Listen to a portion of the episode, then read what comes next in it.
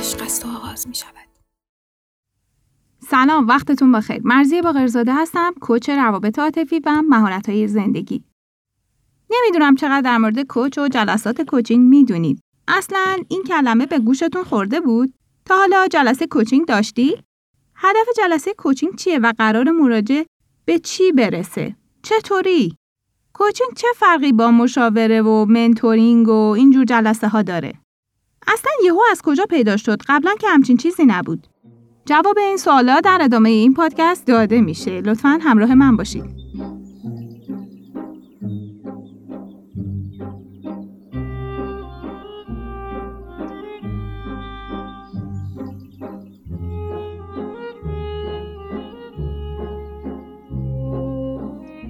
کوچینگ یه حرفه نسبتا جدیده که کمتر از ده ساله توی ایران رسما شروع شده. هدف اصلی کوچینگ حمایت از مردم برای ایجاد زندگی ایدئاله. در واقع یه نوع همکاری مستمر برای کمک به مراجعه کننده است تا با فکر و خلاقیت درونی خودش به نتایج رضایت بخش در زندگی و کارش برسه. شیرین ترین بخش این همکاری برای مراجع اینه که به پتانسیل های درونی خودش آگاه میشه و برای کوچ دیدن تغییرات اثرگذار در زندگی و کار فرد مراجع هست. اشتباه نکنید کوچینگ درمان یا مشاوره یا جلسه های روانشناسی نیست. هرچند که ریشه کوچینگ علم روانشناسیه اما قصدش درمانگری نیست. علم روانشناسی روی احساسات و تجربیات قبلی تمرکز می‌کنه اما کوچینگ و کوچ نگاهی رو به آینده داره و با هدف گذاری و تشویق مراجع فرد رو به حرکت و تغییر سوق میده.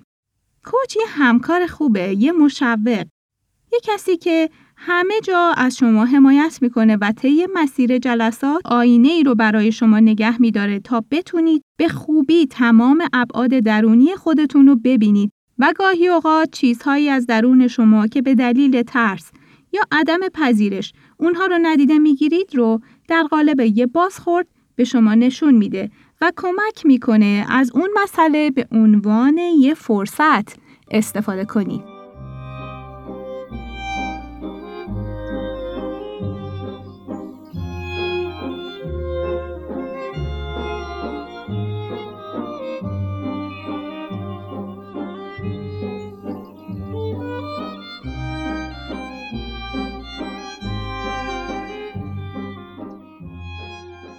همونطور که گفتم کوچینگ مشاوره یا روانشناسی یا درمانگری نیست یا حتی جلسه مشاوره با منتور هم نیست. کوچینگ تفاوت‌هایی با این موارد داره. مثلا یه مشاور کسیه که ما برای دریافت پیشنهاد یا راهکاری برای حل مشکلاتمون بهش مراجعه می‌کنیم. اما در کوچینگ مراجعه به همراه من کوچ خیلی جامعتر مسئله رو بررسی می‌کنیم و یه نقشه اجرایی درست تهیه می‌کنیم. و با هم برای تجربه و تجزیه تحلیل و حل مسئله دست به کار میشیم. نیاز نیست من کوچ در مورد حرفه شما مراجع تخصص داشته باشم چون متخصص کار شما شما هستید. پاسخ پرسش هایی که کوچ بر اساس دانش خودش از شما می‌پرسه نزد شماست. در واقع کوچ ازتون حمایت می‌کنه که ارزش هاتون رو شفاف کنید و به پاسخهای کاربردی مناسبی برسید. اما تفاوت کوچ با درمانگر چیه؟ درمانگر با بیماری مواجهه که به منظور معالجه بهش مراجعه کرده. اما کوچ ها با فرد توانایی که مایله قدرت درونش رو شکوفا کنه کار می‌کنه. کوچ با اشخاص فعال کار می‌کنه تا اونها رو به سطح فوق‌العاده ارتقا بده.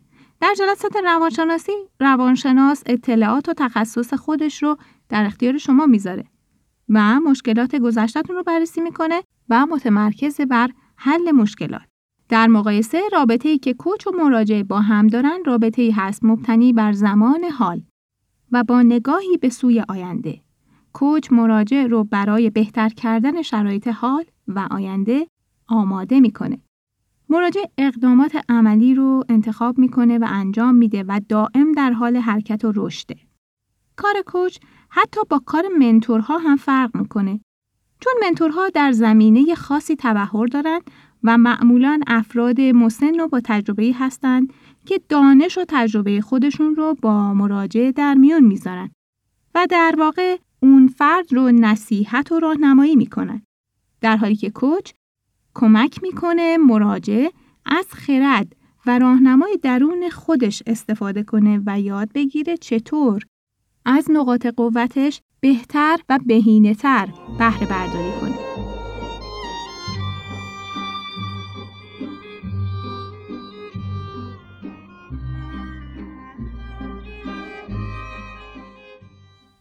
اما هنر کوچینگ چطور ایجاد شد؟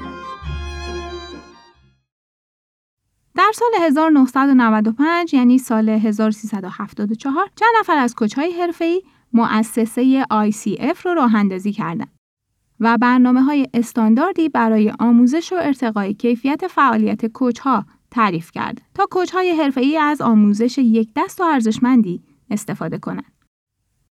امروزه coach ها در شاخه های مختلفی فعالیت دارند. اما دو شاخه اصلی وجود داره. یکی life coaching یا مربیگری زندگی و دیگری business coaching یا مربیگری کسب و کار هست. تخصص های دیگه coaching زیر مجموعه این دو گروه هستند و ممکنه برای هر موضوعی یک coach وجود داشته باشه. مثلا coach سلامت، coach آرامش، coach معنویت، coach روابط عاطفی و coach هایی که در زمینه های business ی فعالیت می‌کنن.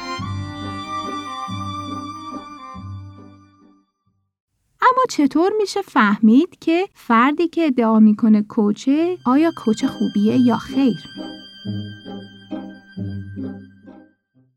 درسته که گفته میشه coaching نیاز به مدرک یا گواهینامه نداره. اما حقیقت اینه که یک coach برای اینکه coach خوبی باشه نیاز به دانش و مهارت زیادی داره و نیازه که هر روز این دانش و مهارت رو ارتقا بده. اما برای اینکه تشخیص بدید یک کوچ کوچ خوبی هست یا خیر به این نکته ها توجه کنید. یک کوچ حرفه‌ای فرد متعهدیه که خودش رو برای داشتن زندگی بهتر ارتقا میده و حقیقتا این نوع زندگی رو دوست داره. این فرد آدم قابل اتکاییه و می‌تونید روش حساب کنید. از ایده ها و افکار شما استقبال می‌کنه. قضاوتی روی افکار و رفتار شما نداره و همونطور که هستید شما رو میپذیره. دلسوز و بخشنده است و قادر شوق و هیجان رو در درون شما افزایش بده و به خوبی شما رو درک کنه. چون شنونده فعال هوشیاریه.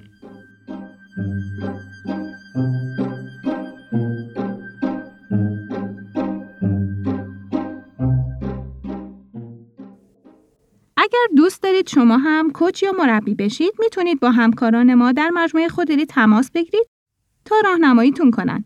و اگر نیاز به یک کوچ یا مربی حرفه‌ای و آموزش دیده دارید از خدمات خودیاری استفاده کنید و در صورتی که ثبت نام شما در سایت انجام بشه یک جلسه کوچینگ رایگان مهمان ما خواهید بود.